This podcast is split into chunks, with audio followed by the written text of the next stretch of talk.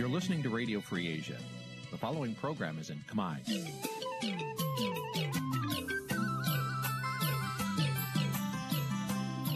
នេះជាកម្មវិធីផ្សាយ Vuthu Azizi Serai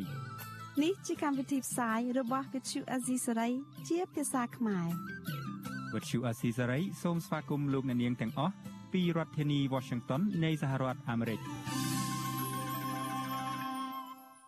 បាទផ្សាយផ្ទាល់ពីរដ្ឋធានី Washington ខ្ញុំបាទជួនច័ន្ទបុតស៊ូមជម្រាបសួរលោកនៅនាងកញ្ញានិងប្រិយមិត្តទាំងអស់ជាទីមេត្រីយើងខ្ញុំសូមជូនកម្មវិធីផ្សាយសម្រាប់រាត្រីថ្ងៃសុក្រពីកើតខែផលគុណឆ្នាំឆ្លូវត្រីស័កពុទ្ធសករាជ2565ត្រូវនៅថ្ងៃទី4ខែមិនិនាគ្រិស្តសករាជ2022បាទជាកិច្ចចាប់ផ្ដើមនេះសូមអញ្ជើញលោកអ្នកនាងស្ដាប់ព័ត៌មានប្រចាំថ្ងៃដែលមានមេតិការដូចតទៅ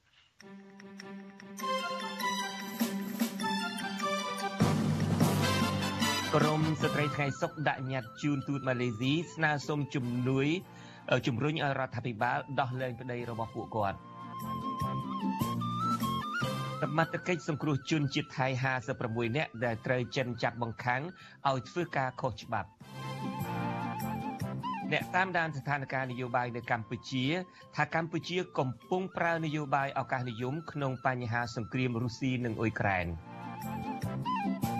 វិទ្យការអ្នកស្ដាប់វិទ្យុអាស៊ីស្រីនារីត្រីនេះយើងនឹងជជែកថាតើកម្ពុជាគួរតែរៀនសូត្រអំពីការឈ្លានពានរបស់រុស្ស៊ីទៅលើប្រទេសអ៊ុក្រែន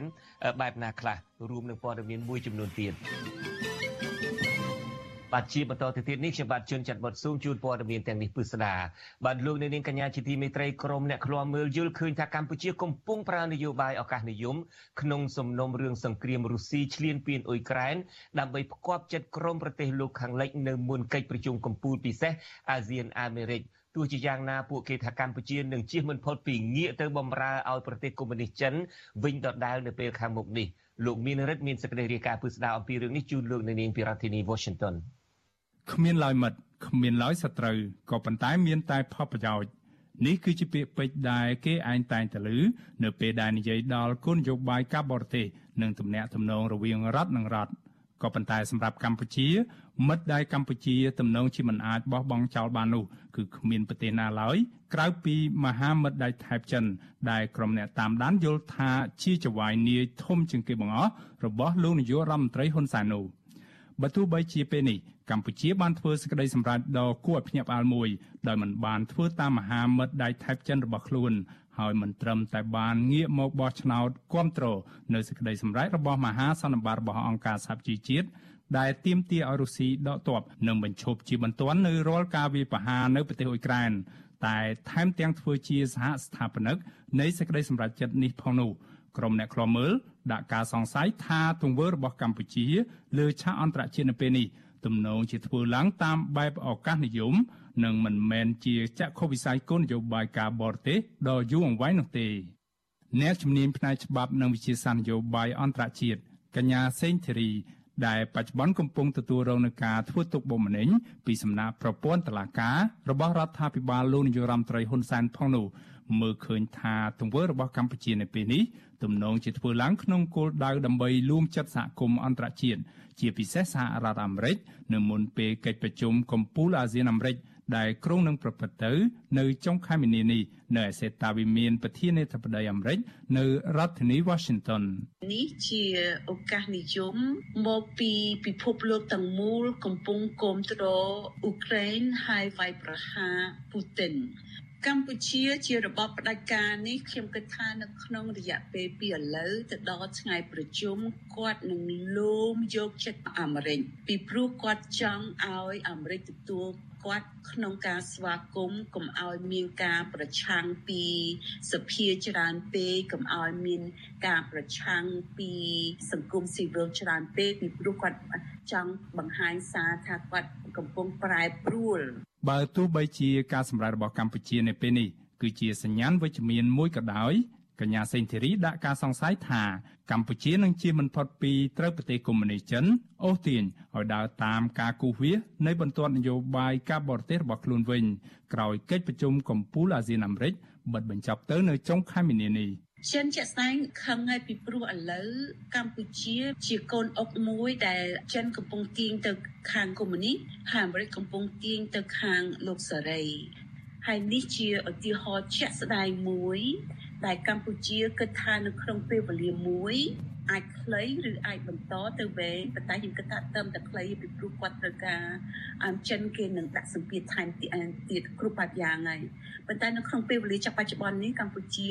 គេកំពុងអង្គិតអំពីពេលវេលាភ្លាមភ្លាមដែលគេនឹងទៅប្រជុំនៅសកលវិញ្ញាណនៅក្នុងលោកសេរីជានិមិត្តរូបបានចឹងគេខំយកចិត្ត Joe Biden គេខំយកចិត្តលោកសេរីថាគេកែប្រែខ្លួនហើយ ក្នុងចំណោមបណ្ដារដ្ឋសមាជិកអាស៊ានទាំង10ប្រទេសមានតែប្រទេសកុម្មុយនីសវៀតណាមនិងឡាវទេ ដែលបានបោះឆ្នោតអនុប្រវត្តិដោយប្រទេសកុម្មុយនីសចិនដែរដោយមិនគ្រប់គ្រងហើយក៏មិនជំទាស់នឹងសេចក្តីសម្រេចនៃកិច្ចប្រជុំពិសេសបន្ទាន់របស់មហាសន្និបាតអង្គការសហប្រជាជាតិកាលពីថ្ងៃទី1ខែមីនាដែលបានទាមទារឲ្យរុស្ស៊ីបញ្ឈប់ជាបន្ទាន់នៅប្រតិបត្តិការយោធារបស់ខ្លួននៅក្នុងប្រទេសអ៊ុយក្រែន ទូយ៉ាងណាសេចក្តីសម្រេចរបស់មហាសន្និបាតអង្គការសហប្រជាជាតិនេះមិនបានហៅអំពើវាយប្រហាររបស់រុស្ស៊ីទៅលើប្រទេសអ៊ុយក្រែនថាជាអំពើឈ្លានពាននោះទេកម្ពុជាបានបោះឆ្នោតគាំទ្រជាមួយបណ្ដាប្រទេសសរុបជាង140ប្រទេសនៅទូទាំងពិភពលោកនិងបានចូលរួមធ្វើជាសហស្ថាបនិកនៃសេចក្តីសម្រេចនេះនៅក្នុងតំបន់អាស៊ាន មានតែសង្ហបុរីមួយទេ ដែលបានឈានមុខគេចេញមុខថ្កោលទោសនិងដាក់ទណ្ឌកម្មសេដ្ឋកិច្ចទៅលើប្រទេសរុស្ស៊ី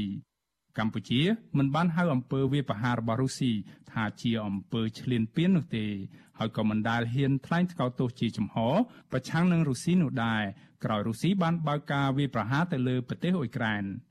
អ្នកជំនាញកិច្ចការអន្តរជាតិបណ្ឌិតអៀសផលយល់ថានេះគឺដោយសារតែកម្ពុជារបស់លោកហ៊ុនសែនជំពាក់គុណរុស្ស៊ីនៅក្នុងពេលដែលរុស្ស៊ីដែលជាអតីតសហភាពសូវៀតជាអ្នកនៅពីក្រោយខ្នងចាំជួយឧបត្ថម្ភអំពើឈ្លានពាន លោកលុយនឹងកាន់កាប់ដោយខុសច្បាប់របស់ប្រទេសវៀតណាមមកលើកម្ពុជាអស់រយៈពេលពេញមួយទសវត្សរ៍ទី80ដែលអនុញ្ញាតឲ្យលោកហ៊ុនសែននិងគណៈបកប្រជាជនកម្ពុជាអាចក្តោបក្តាប់អំណាចបានរហូតមកដល់សពថ្ងៃនេះលោកថារដ្ឋាភិបាលក្រុងភ្នំពេញចាត់ទុកអំពើនេះថាគឺជាការរំដោះនិងមិនមែនជាការឈ្លានពាននោះទេដោយឡែកអ្នកជំនាញវិទ្យាសាស្ត្រនយោបាយនិងកិច្ចការអន្តរជាតិមួយរូបទៀតគឺលោកអែមសវណ្ណារាលោកយល់ថាកម្ពុជាធ្វើដូច្នេះ គឺដើម្បីកេងចំណេញពីនយោបាយការបរទេសខណៈកម្ពុជាទំនងជាមិនសូវខាត់បងខ្លាំងពីទំនាក់ទំនងជាមួយរុស្ស៊ីនិងចិន។ បបិកម្ពុជាយើងដែលថាតែទៅដល់ប្រតិកម្មនិងយោធានេះធ្វើទៅតែកន្លងមកយើងងាកទៅរុស្ស៊ីមែនប៉ុន្តែអត្ថប្រយោជន៍នៃការប្រើប្រាស់សក្តិពុតរុស្ស៊ីយើងមិនមានកម្រិតទេចុងក្រោយនេះយើងទិញឧទាហរណ៍ក្របមកសម្ជ្រួយសាដូចហ្វូម21ទិញពីចិនមកវិញទេយើងអត់ទិញពីរុស្ស៊ីទេតែវិញយើងនិយាយពីអត្ថប្រយោជន៍កន្លងមកគួរឈរដោយវៀតណាមវិញឡើយដោយសាររុស្ស៊ីលោកបាបន្ទល់តែកម្ពុជាជំពាក់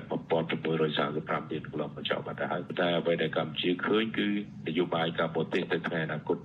លោកអែមសវណ្ណារា បន្តថាបើសិនជាកម្ពុជា ប្រកាន់យកជំហរដោយវៀតណាមនិងឡាវនោះនោះកម្ពុជាអាចនឹងជួបនៅឧបសគ្គជាច្រើន ជាពិសេសនៅក្នុងអំឡុងពេលនៃកិច្ចប្រជុំកំពូលអាស៊ានអាមេរិកនៅចុងខែមីនានេះ។ ពួកកម្ពុជាគិតថាអាចគេចពីសម្ពាធប្រសិទ្ធិកម្ពុជាឈរដោយវៀតណាមឈរដោយឡាវកម្ពុជាអាចជួបឧបសគ្គច្រើនឬក៏មានឧបសគ្គទៅលើកិច្ចប្រជុំចុងខែជាមួយនឹងសហរដ្ឋអាមេរិកនេះអាចមានបញ្ហាផងប្រសិនបើកម្ពុជាឈរខុសចំហណាបាទនៅមុនកម្ពុជាសម្រាប់ចិត្តបោះឆ្នោតនៅមហាសន្និបាតរបស់អង្គការសហជីវជាតិដោយតាមការចង់ឃើញរបស់ក្រមប្រទេសលោកខាងលិចនឹងមិនបោះឆ្នោតអនុប្រវត្តិដោយតាមប្រទេសកុម្មុយនីសចិនវៀតណាមនិងឡាវ ទំនងជាខ្លាញ់មិត្តដៃថែបចិនរបស់លោកខឹងសម្បាទើបបានជាលោកហ៊ុនសែនបានឆ្លៀតថ្លែងសារផ្គាប់ចិត្តចិនដោយបញ្ជាក់ជំហរជាថ្មីថាលោកនឹងមិនគាំទ្រការផ្ដាច់ខ្លួនរបស់ក្រុងហុងកុងតៃវ៉ាន់ទីបេនិងតំបន់ដទៃទៀតពីចិននោះទេលើសពីនេះទៀតតាមរយៈសាររបស់លោកទៅកាន់ថ្នាក់ដឹកនាំគណៈអចិន្ត្រៃយ៍នៃគណៈបកប្រជាជនកម្ពុជា និងសមាជិករដ្ឋាភិបាល កាលពីយប់ថ្ងៃទី2ខែមីនា លោកហ៊ុនសែនក៏បានពន្យល់ថាកម្ពុជាសម្រេចចិត្តបោះឆ្នោតគាំទ្រនិងធ្វើជាសហស្ថាបនិកនៃសេចក្តីសម្រេចរបស់អង្គការសហប្រជាជាតិទាមទារឲ្យរុស្ស៊ីបញ្ឈប់ការវាយប្រហារលើអ៊ុយក្រែននៅពេលនេះគឺដោយសារតែមានការស្នើសុំពីប្រទេសជប៉ុន បារាំងអាល្លឺម៉ង់និងសហរដ្ឋអាមេរិកគេនៅរងចាំមើលតទៅទៀតថាតើកម្ពុជានឹងបន្តធ្វើតាមក្រមប្រទេសលោកសេរីដោយនៅពេលនេះឬយ៉ាងណា ជាពិសេសនៅក្រៅកិច្ចប្រជុំកំពូលពិសេសអាស៊ានសហរដ្ឋអាមេរិកដែលគ្រងនឹងប្រព្រឹត្តទៅនៅថ្ងៃទី28និងថ្ងៃទី29ខែមីនានេះនៅឯសេតាវិមានប្រធានាធិបតីអាមេរិកខ្ញុំបានមេរិត Visual C ស្រីរាយការណ៍ពីរដ្ឋធានី Washington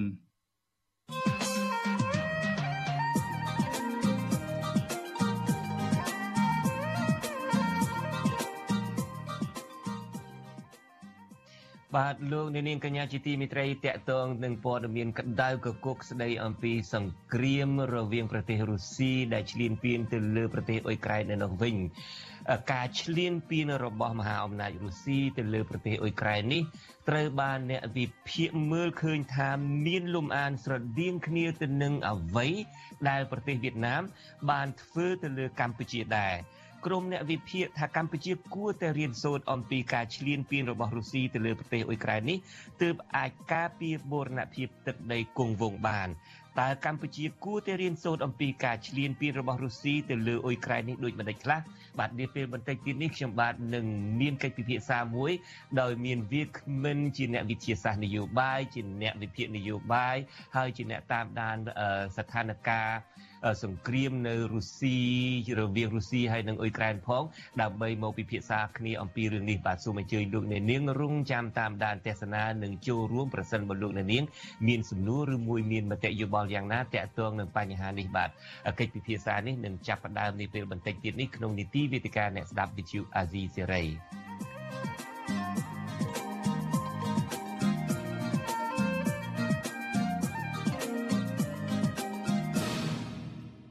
បាទលោកនាងកញ្ញាជាទីមេត្រីក្រមស្ត្រីថ្ងៃសុកជាង10នាក់នាំគ្នាដាក់ញត្តិជូនស្ថានទូតម៉ាឡេស៊ីដើម្បីស្នើសុំឲ្យជួយអន្តរាគមន៍ទៅរដ្ឋាភិបាលលោកហ៊ុនសែនឲ្យដោះលែងប្តីនិងឪពុករបស់ពួកគាត់ ដែលកំពុងជាប់ឃុំក្នុងពន្ធនាគារទាំងអយុធធរដោយសារមូលហេតុនយោបាយមន្ត្រីសិទ្ធិមនុស្សយល់ថារដ្ឋាភិបាលគួរតែពិចារណាដោះលែងសកម្មជននយោបាយឲ្យមានសេរីភាពឡើងវិញ បាទយើងមានលោកលេងម៉ាលីរាយការណ៍អំពីរឿងនេះជូនលោកនាងពីរដ្ឋធានី Washington ក្រមស្ត្រីថ្ងៃសុកដែលជាប្រពន្ធនិងកូនរបស់សកម្មជនគណៈបកប្រឆាំងកំពុងជាប់ឃុំ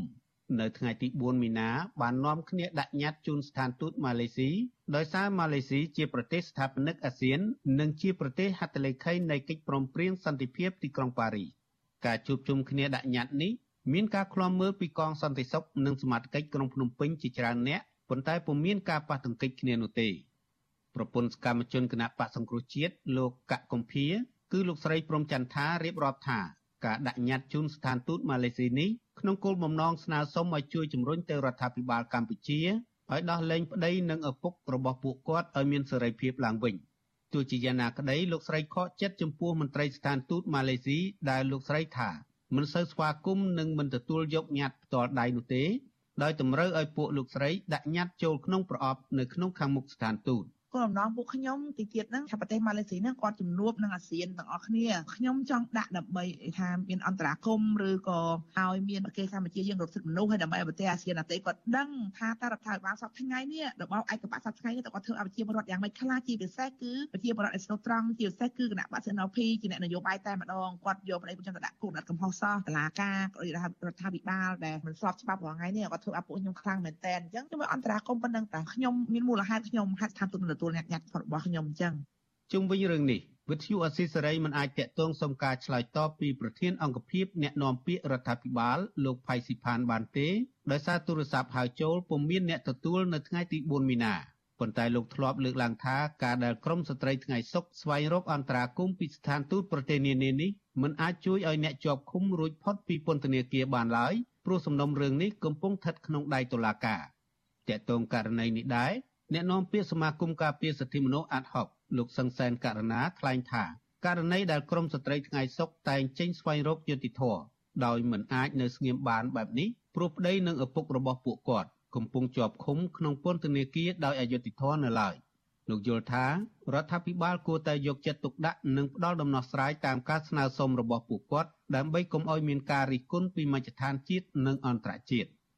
មានការសោកស្ដាយដែរស្ថាប័នជាច្រើនរបស់ថាពិបាលដែលមិនទាន់មានស្ថាប័នណាមួយដែលអាចរកយុត្តិធម៌និងដោះលែងប្តីនិងឪពុកគាត់បានអញ្ចឹងហើយវាជាហេតុដែលបណ្ដាលឲ្យគាត់ចេះតែដើរទៀមទានៅតាមស្ថាប័នទូតនានានឹងឯងហើយអញ្ចឹងហើយយើងសង្ឃឹមដែរថាបើសិនជាទូតទាំងអស់នឹងយកចិត្តទុក ដាក់ទៅអ្វីដែលជាការទៀមទារបស់ពួកគាត់ហើយយកទៅលើកបញ្ហានេះជាមួយនឹងរដ្ឋាភិបាលនិងស្ថាប័នពាក់ព័ន្ធដែលយើងនឹងគិតថានឹងអាចធ្វើឲ្យមានកិច្ចអន្តរាគមន៍ដោះលែងពួកគាត់គិតត្រឹមថ្ងៃទី4មីនាឆ្នាំ2022មានសកម្មជនគណៈបកសង្គ្រោះជាតិសកម្មជនសិទ្ធិមនុស្សសហជីពអ្នករិះគន់រដ្ឋាភិបាលជាង60នាក់ទៀតកំពុងជាប់ឃុំក្នុងពន្ធនាគារ ពួកគាត់ភ័យច្រើនត្រូវបានអាជ្ញាធរចាប់ខ្លួនជាបន្តបន្ទាប់កាលពីដើមឆ្នាំ2020តុលាការបានចោទប្រកាន់ពួកគេដូចដូចគ្នា គឺពីបទរួមគំនិតក្បត់ញុះញង់ឲ្យយុធិនមិនស្ដាប់បង្គាប់និងញុះញង់ឲ្យប្រព្រឹត្តបទអក្រិតជាអាតមកទល់ពេលនេះសកម្មជនគណៈបកប្រឆាំងមួយចំនួនជាប់ឃុំជិត2ឆ្នាំហើយប៉ុន្តែតុលាការមិនទាន់ចេញសាលក្រមនៅឡើយទេក្រុមអង្គការជាតិនិងអន្តរជាតិ ជាច្រើនស្ថាប័នរួមទាំងទីភ្នាក់ងារអង្គការសហប្រជាជាតិនិងក្រុមប្រទេសប្រជាធិបតេយ្យធំធំថ្កោលទោសជាបន្តបន្ទាប់ចំពោះរដ្ឋាភិបាលលោកហ៊ុនសែននិងទាមទារឲ្យដោះលែងសមាជិកគណៈបកប្រឆាំងនិងអ្នកជាប់ឃុំដោយសារមូលហេតុនយោបាយឲ្យមានសេរីភាពឡើងវិញដោយឥតលក្ខខណ្ឌខ្ញុំបាទលេងម៉ាលីវិទ្យុអស៊ីសេរីរាយការណ៍ពីរដ្ឋធានី Washington បាទតកតងទៅនឹងការធ្វើកោតកម្មរបស់កម្មករបុគ្គលិកនៅឯ Nagavel ឯនោះវិញកោតករ Nagavel ខកចិត្តដែលតុលាការក្រុងភ្នំពេញដាក់គឧតកោ2នាក់ឲ្យស្ថិតក្រោមការឃ្លាំមើលរបស់តុលាការពាក់ព័ន្ធទៅនឹងការចោទប្រកាន់ថាបានរៀបរៀងគឧតកោទាំងអស់មិនឲ្យធ្វើសំណាក់រោគជំងឺ Covid-19 គឧតកោ Nagavel លោកស្រីជាសុខុមថ្លែងនៅថ្ងៃទី4ខែមិនិនាថាពួកគាត់ហួសចិត្តដែលតុលាការក៏ហៅកញ្ញាមេងកនិកាដែលអ្នកនាងអេងស្រីបូទៅសាកសួរនៅថ្ងៃសុក្រនេះជាង3ម៉ោងតែលទ្ធផលបែរជាសម្រេចហាមឃាត់និងដាក់អ្នកទាំងពីរនាក់ឲ្យស្ថិតក្រោមការឃ្លាំមើលពីអាជ្ញាធរហើយការបដូរលំនៅឋានឬចេញទៅក្រៅប្រទេសត្រូវជូនដំណឹងទៅតុលាការជាមុនលោកស្រីថាពួកគាត់មិនហ៊ាន សំទោសលោកស្រីថាពួកគាត់ហ៊ានធ្វើសាក់សីឲ្យអ្នកទាំងពីរថាមិនបានរៀបរៀងកោតកោមិនឲ្យធ្វើតេស្តសំណាក់រោគជំងឺ Covid ទេពេលតុលាការកំពុងសាកសួរកម្មករទាំងពីរនាក់នោះកម្មករ Nagavel ប្រមាណ50នាក់ផ្សេងទៀតបានជួបជុំគ្នានៅមុខសាលាដំបងរាជធានីភ្នំពេញឈរលើឈរលើក្រដាសសរសេរថាខ្ញុំជាសាក្សី ការជួបជុំនេះត្រូវបានអាជ្ញាធរដេញពួកគាត់មិនឲ្យឈរនៅខាងមុខតុលាការនិងហាមឃាត់ពួកគាត់មិនឲ្យលើកបដាការជួបជុំនេះមានប៉ះពាក្យប៉ះសម្ដីរវាងគឧតកោនិងអាជ្ញាធរតែពុំមានអំពើហិង្សាទេគឧតកោដែលទៅបុកតឡាការនោះគឺជាតកោតកោដែលអាជ្ញាធរបានបង្ខំឲ្យឡើងរថយន្តក្រុងមិនឲ្យជួបជុំរោគដំណោះស្រាយការងារហើយដាក់ពួកគេធ្វើចតាលិស័កមួយសប្តាហ៍ចប់រួចរាល់កាលពីថ្ងៃសុក្រ សំទុះកាលពីថ្ងៃប្រហ័សទី3មិនិនាម្សិលមិញកាលពីថ្ងៃទី5កុម្ភៈអាជ្ញាធរបានចោទកម្មករ Nagavel 4នាក់រួមមានកញ្ញាអុកសុភ័ក្រ មូលីកាកញ្ញាមេងកនិកាអ្នកនាងអេងស្រីបូនិងអ្នកត្រីខេងចិន្តាពាក់ព័ន្ធទៅនឹងការចោទប្រកាន់ថាអ្នកទាំង4រៀបរៀងវិធានការសុខាភិបាលក្នុងការទប់ស្កាត់ជំងឺ Covid-19 ការចោទប្រកាន់នេះធ្វើឡើងមួយថ្ងៃក្រោយដែលគឧតកោសុបញ្ញាធរធ្វើសំណាក់ថ្ងៃទី5កុម្ភៈព្រោះពេលដែលអាជ្ញាធរតម្រូវឲ្យពួកគាត់ធ្វើតេស្តកាលពីថ្ងៃ4នោះគឺជាពេលវេលាយប់ណាស់ទៅហើយបាទកាលពីថ្ងៃទី18កុម្ភៈគឧតកោទាំង4បាននាំគ្នាចូលខ្លួនបំភ្លឺនៅស្នងការនគរបាលរាជធានីភ្នំពេញម្ដងរួចហើយក៏ប៉ុន្តែមន្ត្រីនគរបាលប្រាប់មេធាវីពួកគេថាសំណុំរឿងនេះផុតពីដៃរបស់សមត្ថកិច្ចហើយចូលដល់នីតិវិធីរបស់ចៅក្រមស៊ើបសួរនៃសាលាដំបងរាជធានីភ្នំពេញ thank you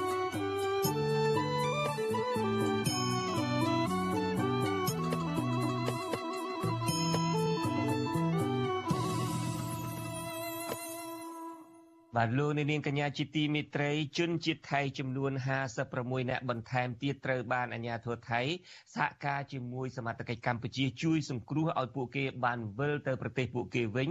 ក្រោយពីជនជាតិថៃទាំងនោះឆ្លងដែនចូលកម្ពុជា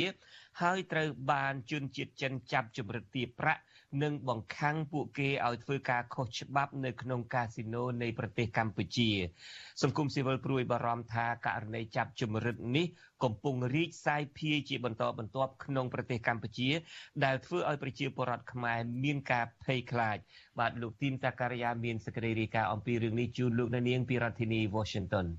ជនជាតិថៃដែលត្រូវបានអាជ្ញាធរថៃជួយសង្គ្រោះនោះបានចាញ់បោកក្រុមអក្រិតជនជនជាតិចិន ដែលបានមកឃោសនាការងារតាមបណ្ដាញសង្គម Facebook និងអនឡាញដោយបោកបញ្ឆោតថាមានការងារធ្វើនៅកម្ពុជានិងទទួលបានប្រាក់ខែខ្ពស់ជំនួយការអគ្គស្នងការនគរបាលជាតិថៃលោកសុរាឆេតហាក់ផនប្រាប់ទូរទស្សន៍ថៃថាក្រោយពីជនជាតិថៃឆ្លងដែនមកកម្ពុជា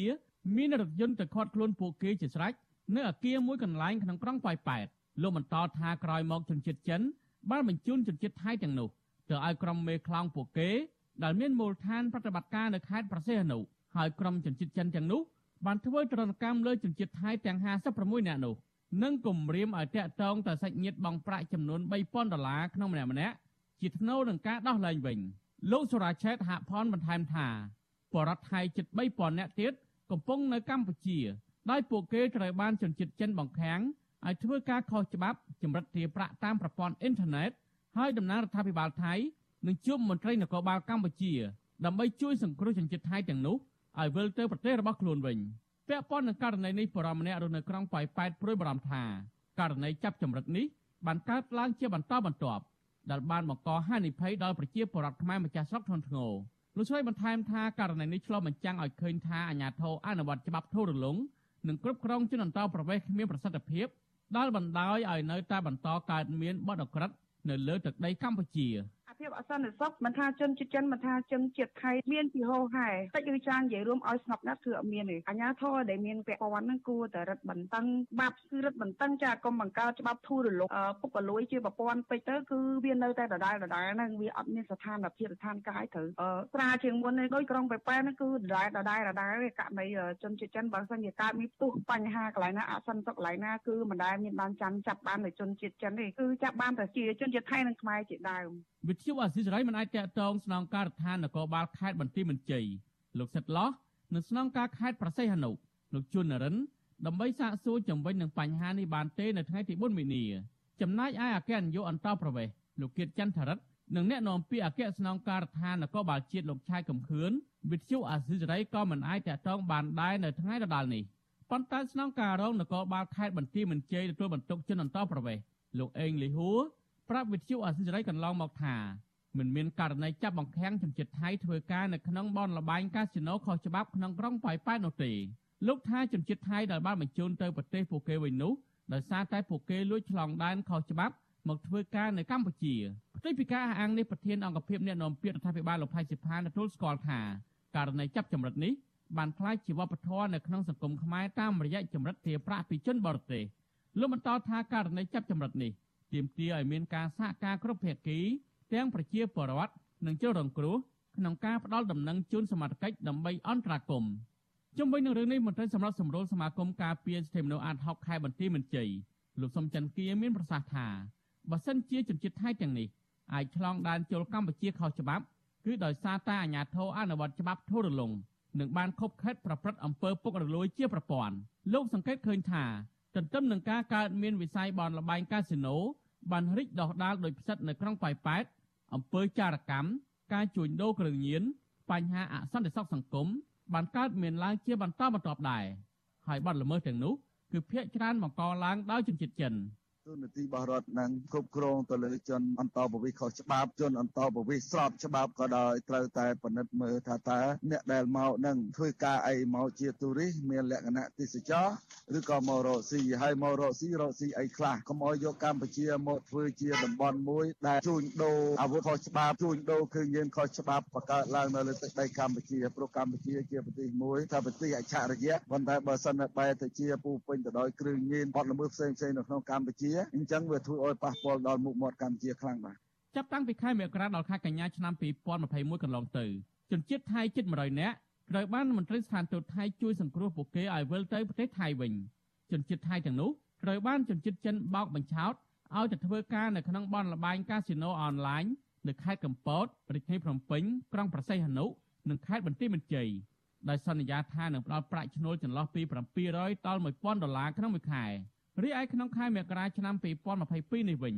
ពលករថៃជាង500នាក់បានចាញ់បោកនិងត្រូវគេបង្ខំឲ្យធ្វើការខុសច្បាប់នៅតាមព្រំដែនកម្ពុជាថៃក្នុងខេត្តពោធិ៍សាត់កោះកុងក្រុងប៉ោយប៉ែតនិងខេត្តប្រសិទ្ធហនុអាញាធរថៃបានសហការជាមួយអាញាធរកម្ពុជាជួយសង្គ្រោះពួកគេបញ្ជូនទៅប្រទេសថៃវិញដោយឡែកកាលពីឆ្នាំ2020សមាជិកកម្ពុជាបានចាប់ខ្លួនជនជាតិចិនជាង500នាក់ពាក់ព័ន្ធនឹងបទអក្រិតដែលពួកគេបានប្រព្រឹត្តនៅកម្ពុជា ដូចជាអំពើឃាតកម្មចាប់ចម្រិតទេប្រាក់អំពើហិង្សាឆោបោកចោរកម្មរត់ពន្ធគ្រឿងញៀននិងការប្រើប្រាស់អាវុធខុសច្បាប់ជាដើមខ្ញុំធីនសាការីយ៉ាអសិរ័យប្រធានីវ៉ាស៊ីនតោន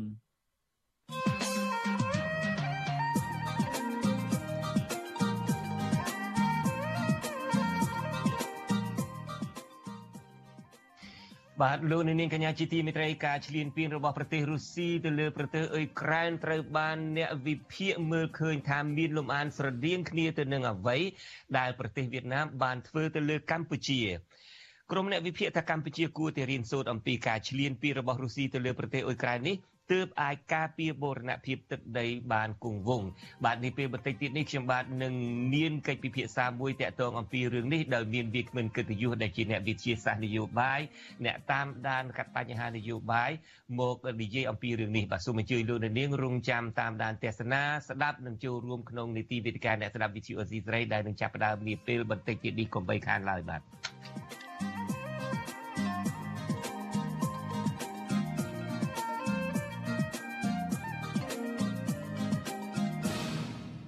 បាទតកតងទៅរឿងក្តីក្តាមរបស់លោកកឹមសុខាវិញមេធាវីរបស់លោកកឹមសុខាចោទថាមេធាវីរដ្ឋាភិបាលបានរំលោភសិទ្ធិ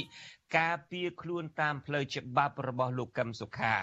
ប្រតិកម្មរបស់មេធាវីលោកកឹមសុខាបែបនេះគឺដោយសារតែមេធាវីរដ្ឋាភិបាល ចោទប្រកាន់ក្រុមមេធាវីរបស់លោកកឹមសុខាថាបាននិយាយបំផ្លាស់ថាតុលាការគ្មានភ័ស្តុតាងប្រឆាំងនឹងលោកកឹមសុខា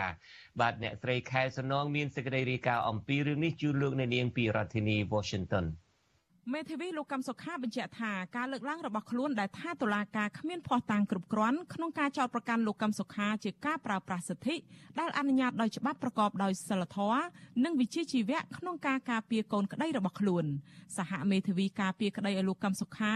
គឺអ្នកស្រីមេងសុភារីថ្លែងថាការចោទប្រកាន់របស់មេធាវីរដ្ឋាភិបាលមកលើក្រុមមេធាវីលោកកំសុខាគឺជាការសន្មត់ទុកថាលោកកំសុខាមានទោស អ្នកស្រីរំលឹកទៅមេធាវីរដ្ឋាភិបាលវិញថារដ្ឋធម្មនុញ្ញចែងថាជនណាក៏ដោយត្រូវចាត់ទុកថាគ្មានទោសដរាបណាតុលាការមិនទាន់កាត់ទោសជាស្ថាពរការលើកឡើងបែបនេះរបស់សហមេធាវីការពីឲ្យដើមដណ្ដឹងរដ្ឋបវេនីគឺប្រៀបបានទៅនឹងការសន្មត់ទុកជាមុនថាឯកឧត្តមគឹមសុខា មានទោសនៅក្នុងគណៈពេលដែលការជំនុំជម្រះក្តីនេះកំពុងតែនៅដំណើរការនៅឡើយហើយម្យ៉ាងវិញទៀតការប្រើប្រាស់ពាក្យពេចន៍ទាំងនេះគឺហាក់បង្ហាញថា សិទ្ធិការការពារខ្លួនតាមផ្លូវច្បាប់របស់អាយដាមកុងសុខាត្រូវបានរំលោភបំពានពីព្រោះថារាល់អ្វីដែលយើងសហមេធាវីបានថ្លែងក៏ដូចជាអាយដាមកុងសុខាបានថ្លែងគឺជាអ្វីដែលបានធ្វើការថ្លែងនិងធ្វើការការពារខ្លួននៅក្នុងសវនាការដូចគ្នា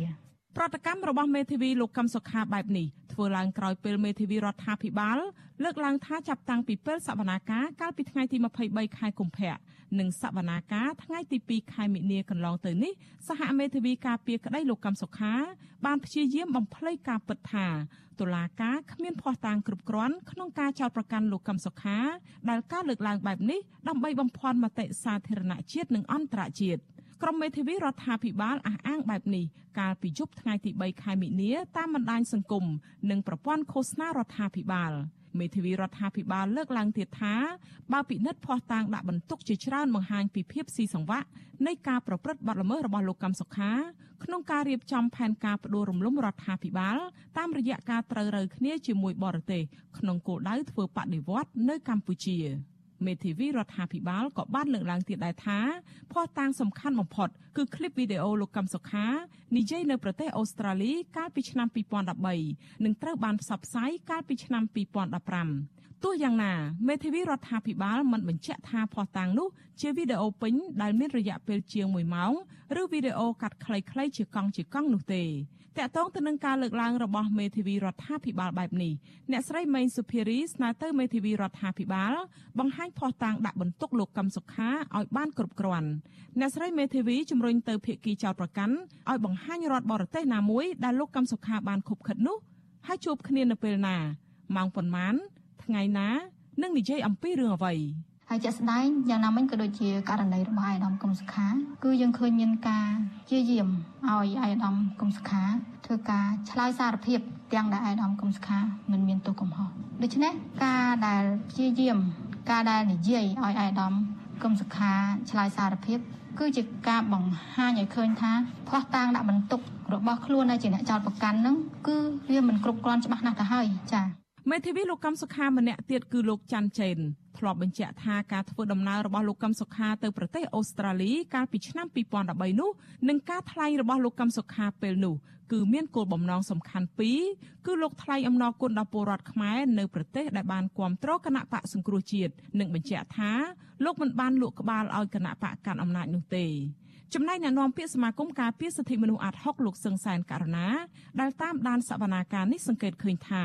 បើមើលវីដេអូពេញនៃការថ្លែងរបស់លោកកឹមសុខានោះមិនមែនជាការខុបខិតជាមួយបរទេសដើម្បីផ្ដួលរំលំរដ្ឋាភិបាលនោះឡើយ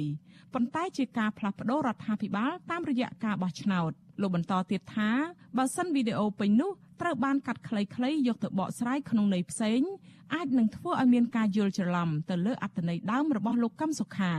លោកខិតខំប្រឹងប្រែងក្នុងការធ្វើនយោបាយដោយសន្តិវិធី ដោយឈ្មោះទៅការផ្លាស់ប្ដូរដោយតាមរយៈការបោះឆ្នោតអញ្ចឹងបើតាមរយៈការផ្លាស់ប្ដូរដោយការបោះឆ្នោតវាជារឿងដែលត្រឹមត្រូវណាស់វាមិនមែនជាការ ផ្ដួលរំលំរដ្ឋាភិបាលវាវាមិនមែនជារឿងអីដែលត្រូវខុសទៅនឹងច្បាប់ទេលោកកំសុខាត្រូវបានសមត្ថកិច្ចសម្រុកចូលចាប់ខ្លួនកាលពីឆ្នាំ2017ដោយចោទប្រកាន់ពីបទក្បត់ជាតិឬសន្តិទភាពជាមួយបរទេសនិងបានហាមឃាត់មិនឲ្យធ្វើនយោបាយនិងចេញក្រៅប្រទេសជាង4ឆ្នាំនៃការចោទប្រកាន់នេះតុលាការនៅមិនទាន់ឃើញថាលោកមានទោសឬគ្មានទោសនៅឡើយ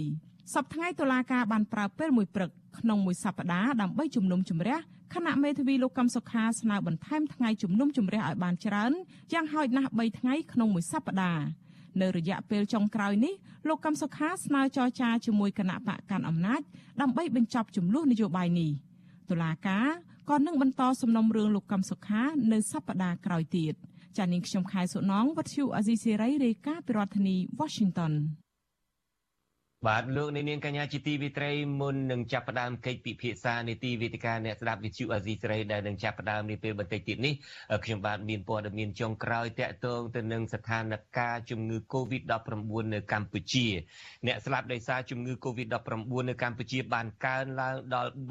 3038អ្នកហើយក្រោយពីអ្នកជំងឺ5អ្នកទៀតបានស្លាប់ ចំណែកករណីឆ្លងថ្មីវិញក្រសួងសុខាភិបាលប្រកាសថាមានចំនួនជិត400នាក់ដែលសុទ្ធតែជាមេរោគបំផ្លែងខ្លួនថ្មីឈ្មោះថាអូមីក្រុង ក្នុងនោះ26នាក់ជាករណីនាំចូលនិងជាង300នាក់ទៀតជាករណីឆ្លងក្នុងសហគមន៍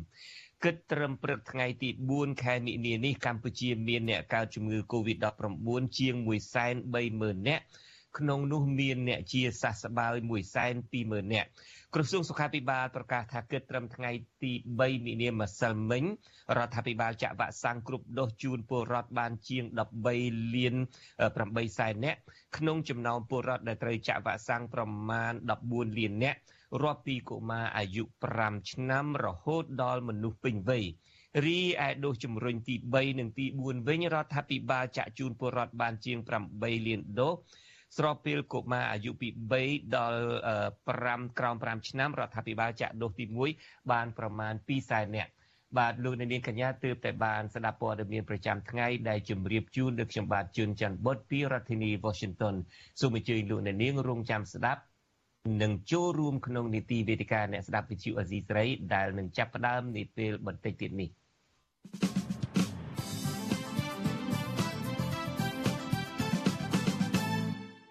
បាទជាបន្តទៅទៀតនេះគឺជានីតិវេទិកាអ្នកស្ដាប់វិទ្យុអាស៊ីសេរី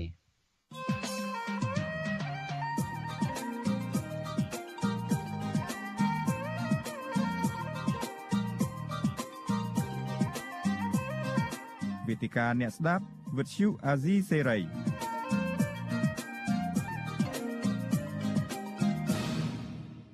បាទនីតិវេទិកាអ្នកស្ដាប់វិទ្យុអាស៊ីសេរីនារីត្រីនេះយើងនឹងជជែកគ្នាថាតើកម្ពុជាគួររៀនសូត្រអ្វីខ្លះពីសង្គ្រាមរុស្ស៊ីឈ្លានពានអ៊ុយក្រែន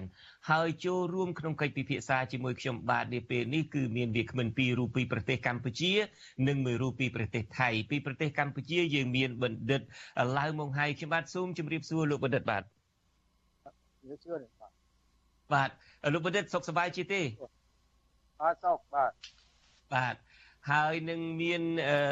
វាគ្មិនមួយរូបទៀតដែលជាស្ថាបនិកស្ថាបវិជាស្ថានប្រជាធិបតេយ្យកម្ពុជា CID និងជាអ្នកជំនាញនយោបាយអន្តរជាតិគឺលោកបណ្ឌិតរវណ្ណៈខ្ញុំបាទសូមជម្រាបសួរលោកបណ្ឌិតរវណ្ណៈពីចម្ងាយផងដែរបាទ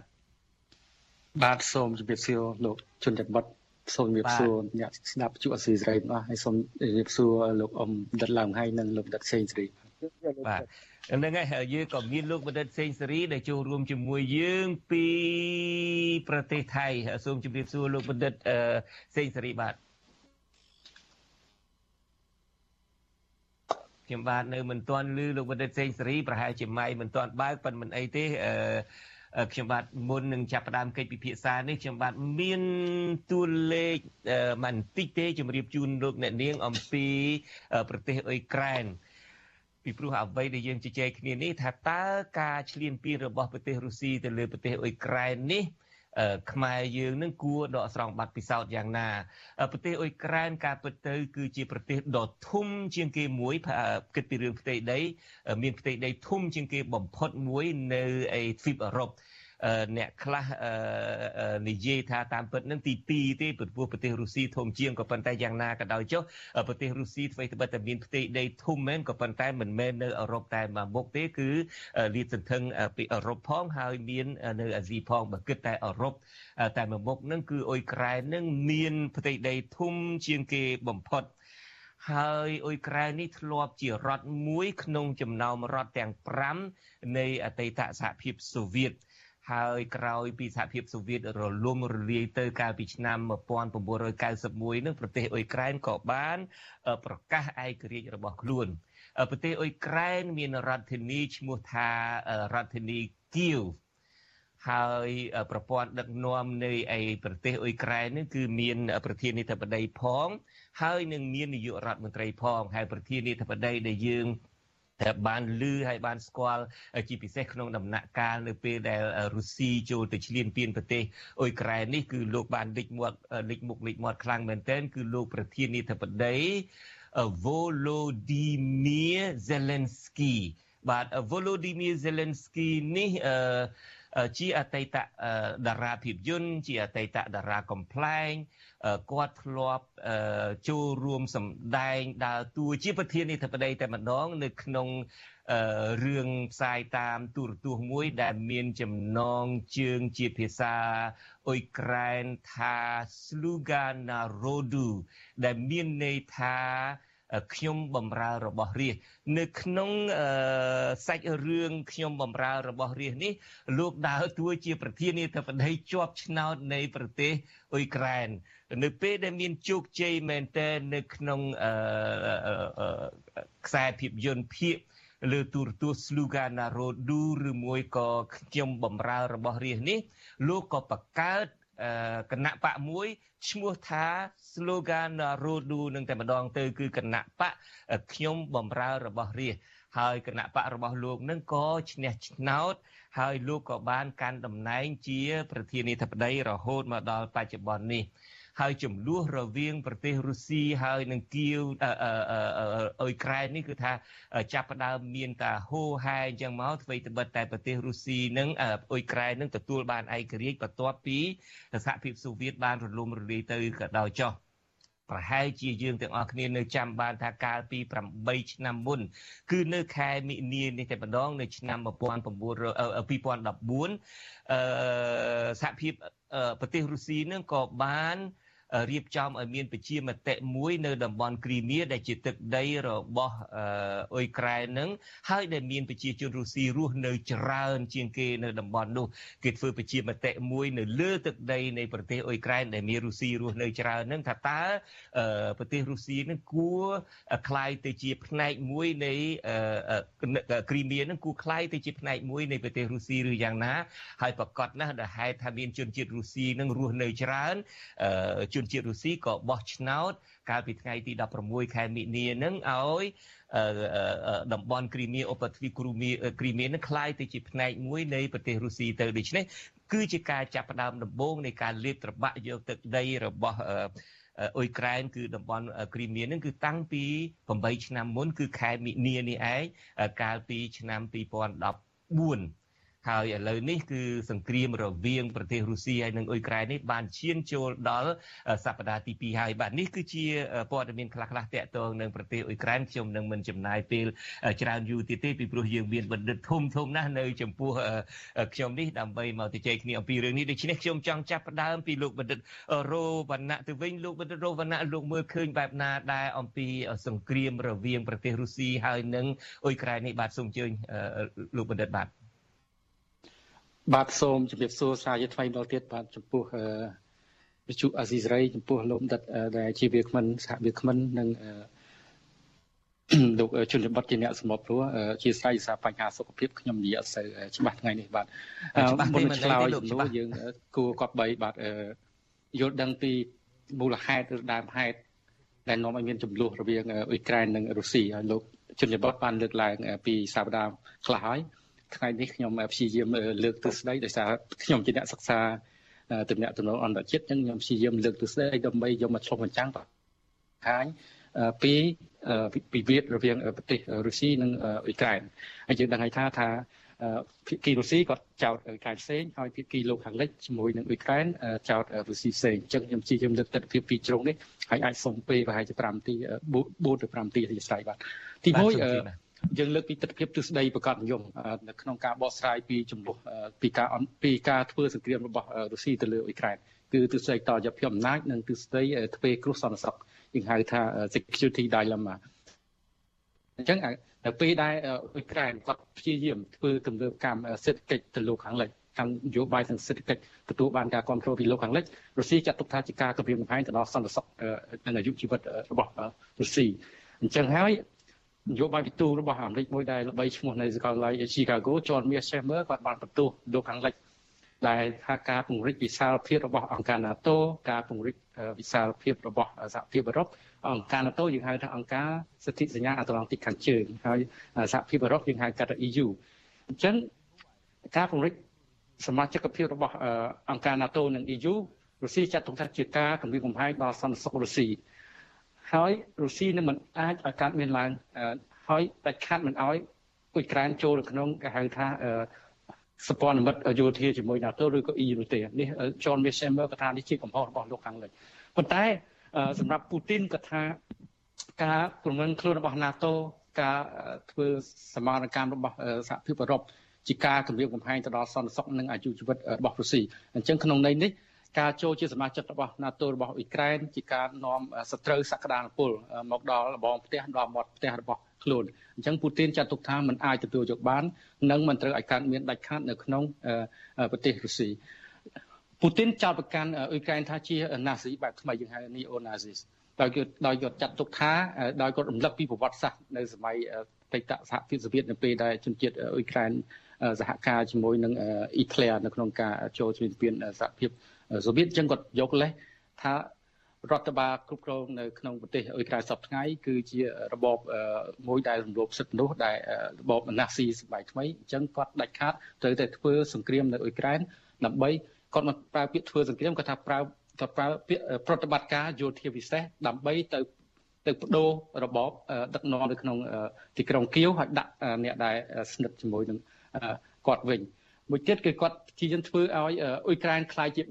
បេឡារុសខាងត្បូងបាទដោយសារយើងដឹងថាប្រទេសបេឡារុសទៅបានពូទីនអន្តរាគមនៅពេលដែលពលរដ្ឋបេឡារុសព្រឺបាតកម្មដើម្បីទាមទារសិទ្ធិសេរីភាពពីមាននាំផ្ដាច់ការបាទពេលរុស្ស៊ីធ្វើអន្តរាគមអញ្ចឹងបេឡារុសខ្លាយទៅជាប្រទេសរណបរបស់រុស្ស៊ីអញ្ចឹងពូទីនចង់ឲ្យអ៊ុយក្រែនខ្លាយជាបេឡារុសខាងត្បូងរណបឲ្យរុស្ស៊ីតាមរយៈការគ្រប់គ្រងដោយបរិះខ្លាំងដែលប្រឆាំងនឹងលទ្ធិប្រជាធិបតេយ្យ ហើយគាត់ថាអតីតអធិការដីអាល្លឺម៉ង់គាត់បានសន្និដ្ឋានថាអាការតម្រង់ទៅរកសហភាពអឺរ៉ុបនឹងការរីកចម្រើនសេដ្ឋកិច្ចតាមបែបប្រជាធិបតេយ្យលោកខាងលិចរបស់ប្រទេសអ៊ុយក្រែនហ្នឹងវាជាការគម្រាមកំហែងទៅដល់របបផ្ដាច់ការរបស់ពូទីននៅរុស្ស៊ីនៅពូទីននៅរុស្ស៊ីពីព្រោះហេតុអីនៅពេលដែលកំណើនសេដ្ឋកិច្ចពីបលភាពការរីកចម្រើនរបស់ពលរដ្ឋអ៊ុយក្រែនដែលពលរដ្ឋរុស្ស៊ីភាគច្រើនមានអារម្មណ៍ថាជាពលរដ្ឋដែលមានវប្បធម៌មានប្រពៃណីទាបអន់ជាងខ្លួនហើយបានជារីកចម្រើន លូតលាស់ដុះដាអញ្ចឹងហេតុអ្វីបានជាពលរដ្ឋរុស្ស៊ីមិនអាចរីកចម្រើនលូតលាស់ដុះដាមកពីរបបនយោបាយឬយ៉ាងណាអឺវគ្គមកខាងទស្សនៈទានពីខាងអ៊ុយក្រែនវិញពីខាងលោកសេរីវិញអញ្ចឹងនៅក្នុងទស្សនវិជ្ជាទស្សន័យបែបសេរីនិយមជាពិសេសគឺអនុត្តភាពសេរីដែលសហរដ្ឋអាមេរិកនិងលោកខាងលិចបាន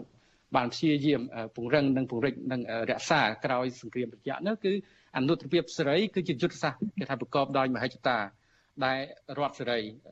មានបំណងផ្លាស់ប្ដូរប្រទេសជាច្រើនទៅជាប្រទេសប្រជាធិបតេយ្យសេរីដូចខ្លួនហើយគណៈពេលជាមួយគ្នាក៏មានពេលសកម្មលើកកម្ពស់សេដ្ឋកិច្ចអន្តរជាតិបើកចំហកសាងស្ថាប័នអន្តរជាតិលក្ខណៈអញ្ចឹងទិសដីប្រជាធិបតេយ្យសន្តិភាពបែបប្រជាធិបតេយ្យយើងហៅ democratic peace theory ហ្នឹងវាជាទិសដីសន្តិភាពដែលបង្កើតឡើងដោយលោកអេម៉ានូអែលកង់ ហើយទិសដីនេះត្រូវបានពេញនិយមនៅក្នុងលោកខាងលិចជាពិសេសគឺបណ្ដាប្រទេសប្រជាធិបតេយ្យបើហេតុថានៅក្នុងទស្សនវិជ្ជានៃទិសដីប្រជាធិបតេយ្យសន្តិភាពប្រជាធិបតេយ្យគឺលើកឡើងថាប្រទេសប្រជាធិបតេយ្យមិនធ្វើសង្គ្រាមជាមួយគ្នានោះទេហើយថាតំបន់នៃបណ្ដាប្រទេសដែលប្រកាន់របបប្រជាធិបតេយ្យគឺជាតំបន់នៃសន្តិភាពហេតុដូចនេះការពង្រីកពង្រឹងសមាភិប NATO និងសហភាពអឺរ៉ុបវាជាគម្រោងផែនការសន្តិភាពដែលគ្មានដែលគ្មានសង្គ្រាម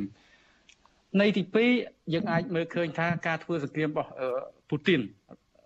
នៅលើអ៊ុយក្រែនការឈ្លានពានអ៊ុយក្រែននេះគឺជាមហិច្ឆតាផ្ទាល់ខ្លួនរបស់លោកពូទីននៅក្នុងការស្ដារចក្រភពរុស្ស៊ីឡើងវិញព្រោះគាត់សម័យថានៅពេលគាត់ជាមេដឹកនាំរបស់សហភាពសូវៀតហើយសហភាពសូវៀតត្រូវបានសំទោសពេលគាត់ជាមេដឹកនាំរបស់រុស្ស៊ីប៉ុន្តែជាគេមកដាក់70%នៃសហភាពសូវៀតដែលរលំរលាយទៅនៅពេលចាញ់សង្គ្រាមត្រជាក់គាត់ថាការរលំរលាយនៃសហភាពសូវៀត គឺជាមហន្តរាយប្រកបដោយសក្តានុពលនៃភូមិសាស្ត្រនយោបាយសតវត្សទី20ដែលដែលរុស្ស៊ីរងគ្រោះពីសម្ដាប់ធ្នាប់នយោបាយដែលដឹកនាំដោយអាមេរិកបែបសេរីអញ្ចឹងដើម្បីរក្សាអំណាចរបស់គាត់ដើម្បីពង្រីកពង្រឹងមហិច្ឆតាស្ដារចក្រភពរុស្ស៊ីឡើងវិញពូទីនបានប្រើប្រាស់នយោបាយជាតិនិយមដើម្បីជាឈ្នន់ តាក់ទាញការគ្រប់គ្រងពីពលរដ្ឋរុស្ស៊ីនិងជាលេសសម្រាប់ពង្រីកដែនឥទ្ធិពលយើងហៅដែនឥទ្ធិពលដែនអំណាចរបស់រុស្ស៊ីទៅកាន់អឺរ៉ុបកណ្ដាលឬអឺរ៉ុបខាងកើតក្នុងសម័យកិច្ចការស្ដេចចក្រភពរុស្ស៊ីស្ដេចសានឹងធ្វើឲ្យរស់ឡើងវិញនៅមហិច្ឆតារុស្ស៊ីគឺចក្រភពរុស្ស៊ីយើងហៅថា Chapitre មិនមែនជាសម័យរបស់ Stalin ទេដោយសារតែ Stalin គឺជាមេដឹកនាំដែលគេហៅថាកម្មអំណាចដោយសាហាវខូខើពេកអញ្ចឹង វាមិនមែនជានិមិត្តរូបរបស់ពូទីននៅក្នុងការស្ដារស្ថានភាពស្ដាររុស្ស៊ីឡើងវិញទេអញ្ចឹងយោងតាមការសិក្សាស្រាវជ្រាវរបស់ Pew Research តាំងពីឆ្នាំ2003រហូតដល់បច្ចុប្បន្ននេះគឺបង្ហាញថាជាតិនិយមតើតួនាទីសំខាន់ណាស់នៅក្នុងនយោបាយជាតិនិយមទឹកដីអញ្ចឹងពលរដ្ឋរុស្ស៊ីចាត់ទុកខ្លួនឯងថាជាពលរដ្ឋដែលមានវប្បធម៌ជឿនលឿនវប្បធម៌ខ្ពង់ខ្ពស់ជាងបណ្ដាប្រទេសរណបសហសហភាពសូវៀតដទៃទៀតអញ្ចឹងពលរដ្ឋអ៊ុយក្រែនមានគេហៅថា អត់មានឧត្តមភាពដោយពលរដ្ឋរុស្ស៊ីទេនៅក្នុងឆ្នាំ2003ដែរពលរដ្ឋរុស្ស៊ីជាង2ភាគ3គាត់គិតថាភាគច្រើននៃដែនដីអតីតសហភាពសូវៀតនឹងគឺជាទឹកដីរបស់ស៊ីអញ្ចឹងអ៊ុយក្រែនគឺជាផ្នែកមួយរបស់រុស្ស៊ីអញ្ចឹងយោងតាមការស្ទង់មតិថ្មីថ្មីរបស់មជ្ឈមណ្ឌលលេវ៉ាដារបស់រុស្ស៊ីហ្នឹងបង្ហាញថាពូទីនកើនប្រជាប្រិយភាពខ្លាំងគួរសមតាំងពី ឆ្នាំមុនមកដល់ឆ្នាំនេះហើយជាពិសេសគឺ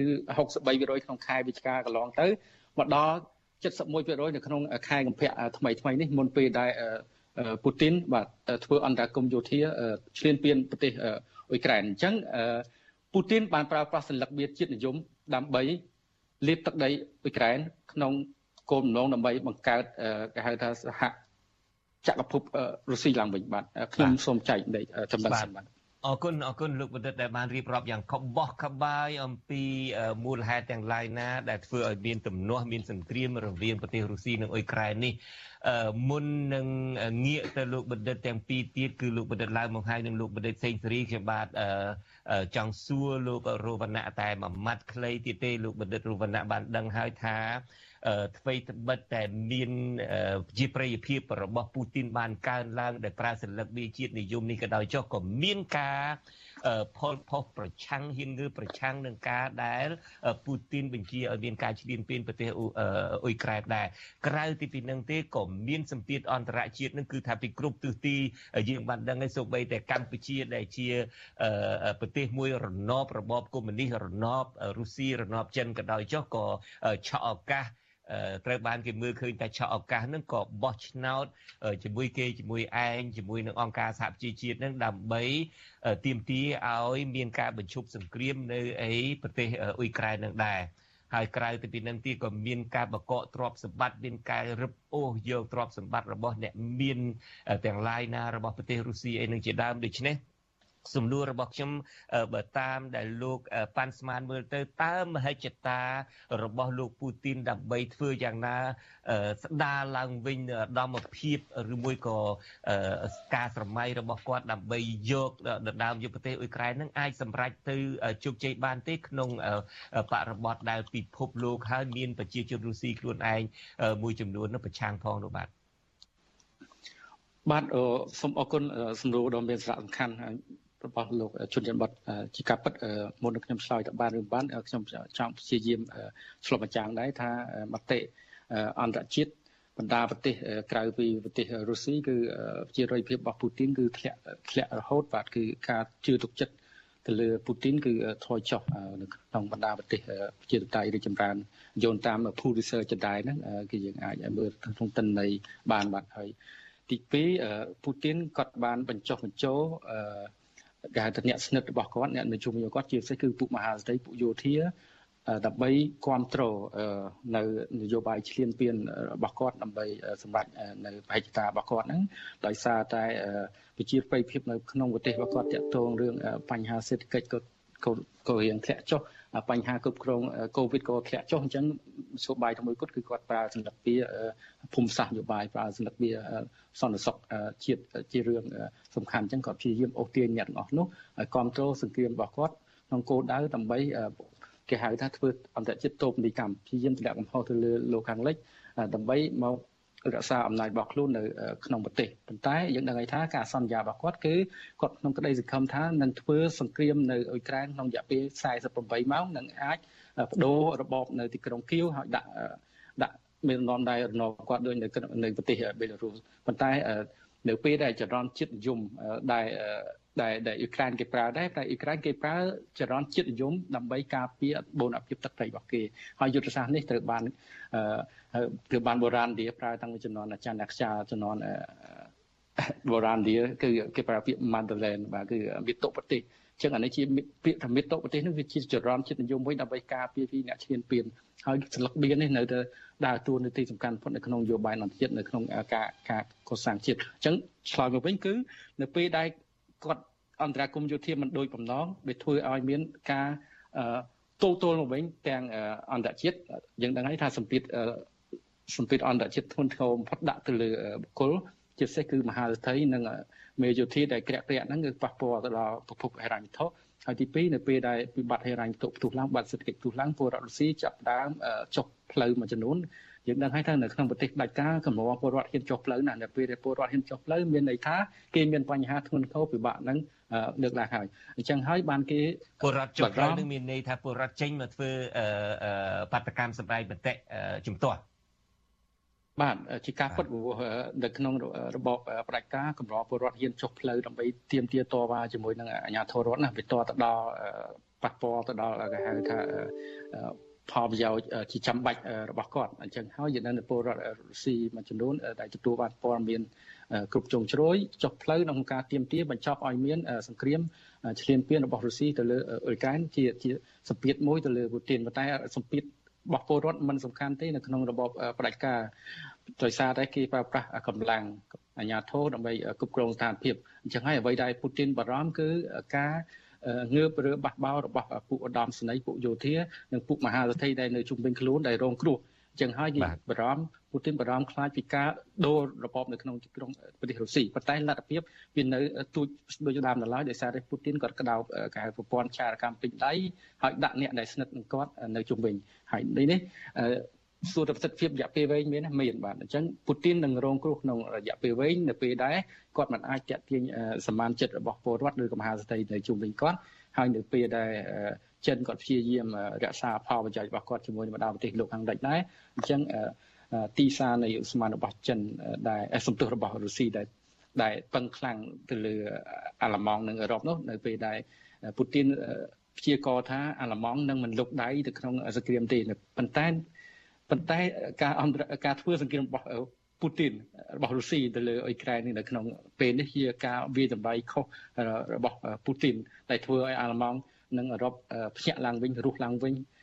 ព្យាយាមចងទៅធ្លុងមួយដើម្បីទប់ទល់នឹងការពង្រីកឥទ្ធិពលរបស់រុស្ស៊ីនៅក្នុងតំបន់ហើយអាល្លឺម៉ង់បង្កើននៅគេហៅថវិកាយោធាដើម្បីធ្វើសង្គ្រាមក្នុងរយៈពេលវែង ឬក៏ទប់ទល់ឥទ្ធិពលរបស់រុស្ស៊ីក្នុងរយៈពេលវែងអញ្ចឹងក្នុងរូបភាពវែងគឺរុស្ស៊ីនឹងរងគ្រោះ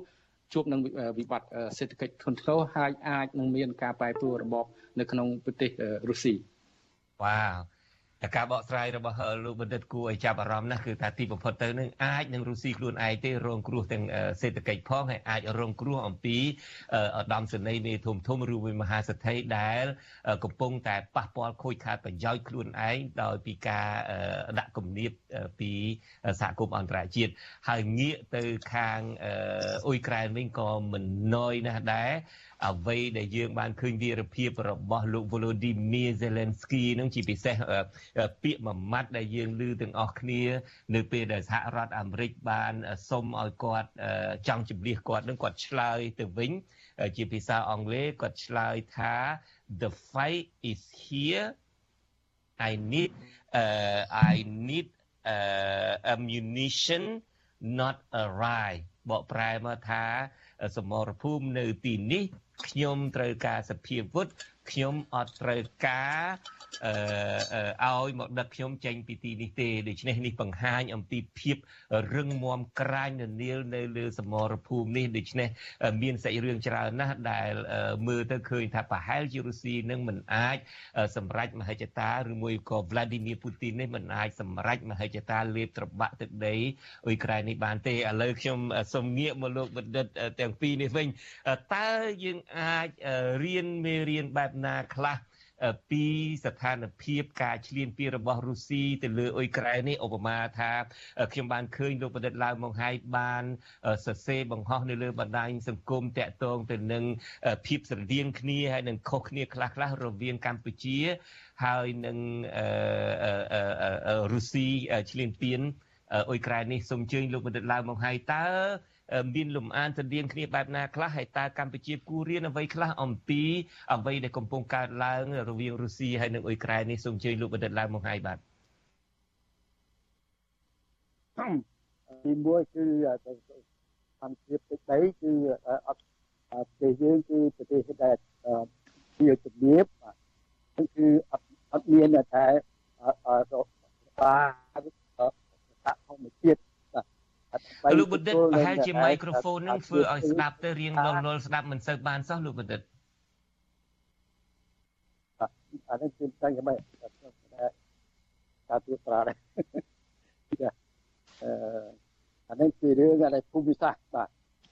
ហើយរឿងភូមិសាស្ត្រទៀតគឺប្រទេសយើងនេះស្ថិតនៅក្នុងដែលគេហៅថាភូមិសាស្ត្រយុទ្ធសាស្ត្ររបស់ប្រទេសជិតខាងបាទហើយខ្លាំងជាងយើងបាទ ហើយនឹងតែរបស់មហាអំណាចទៀតផងហើយក៏ក្នុងនិយាយនោះក៏ក្នុង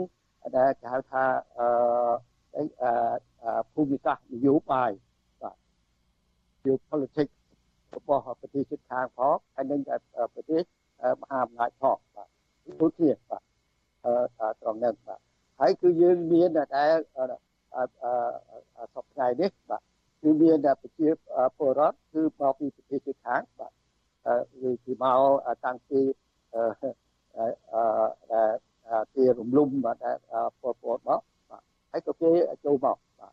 ទនៅចឹងទៅបាទចេះបាទវិញដែលនៅនោះគឺដែលបើទៅតាមព្រំរូលដែរនោះច្រើនដែរដែរបាទកន្លែងខ្លះនេះគឺដែលភូមិខ្លះគឺគឺសិទ្ធិជនជនជាតិបរទេសអស់បាទហើយគឺរឿងសម្ពាធអីសេដ្ឋកិច្ចអីហ្នឹងក៏ឲ្យទៅតែក្រមហ៊ុនប្រទេសជិតខាងនេះគឺនៅតាមព្រំប្រទល់ដែនតំបន់ព្រំព្រំប្រទល់ដែនទៅថែមទៀតបាទតែគឺឲ្យគឺបាទជន ជាតិថ្មីលោកបណ្ឌិតឡើងមកឲ្យខ្ញុំបាទសូមកាត់ប្រសាសន៍លោកបណ្ឌិតបន្តិចដែលហៅថាខ្ញុំបាទចង់ឆ្លៀតឱកាសនេះជម្រាបលាលោកអ្នកស្ដាប់ដែលកំពុងតែតាមដានការផ្សាយរបស់យើងនៅលើរលកធាតុអាកាសខ្លីការផ្សាយរបស់យើងរយៈពេល1ម៉ោងតាមរលកធាតុអាកាសខ្លីគឺចាប់ទៅត្រឹមនេះក៏ប៉ុន្តែចំពោះលោកអ្នកនាងដែលកំពុងតែតាមដានការផ្សាយរបស់យើងលើបណ្ដាញសង្គម Facebook និង YouTube កិច្ចពិភាក្សារបស់យើងនឹងបន្តរយៈពេលកន្លះម៉ោងទៀតបាទខ្ញុំបាទសូមអ ភ័យទោសចំពោះលោកបណ្ឌិតឡើងមកហើយដែលខ្ញុំបានកាត់ប្រសាសន៍នេះសូមអញ្ជើញលោកបណ្ឌិតតទៅទៀតចុះបាទ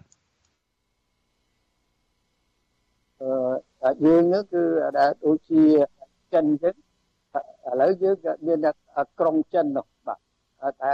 តាមដឹងនេះគេប្រាប់ខ្ញុំថា90%នៃប្រជាជន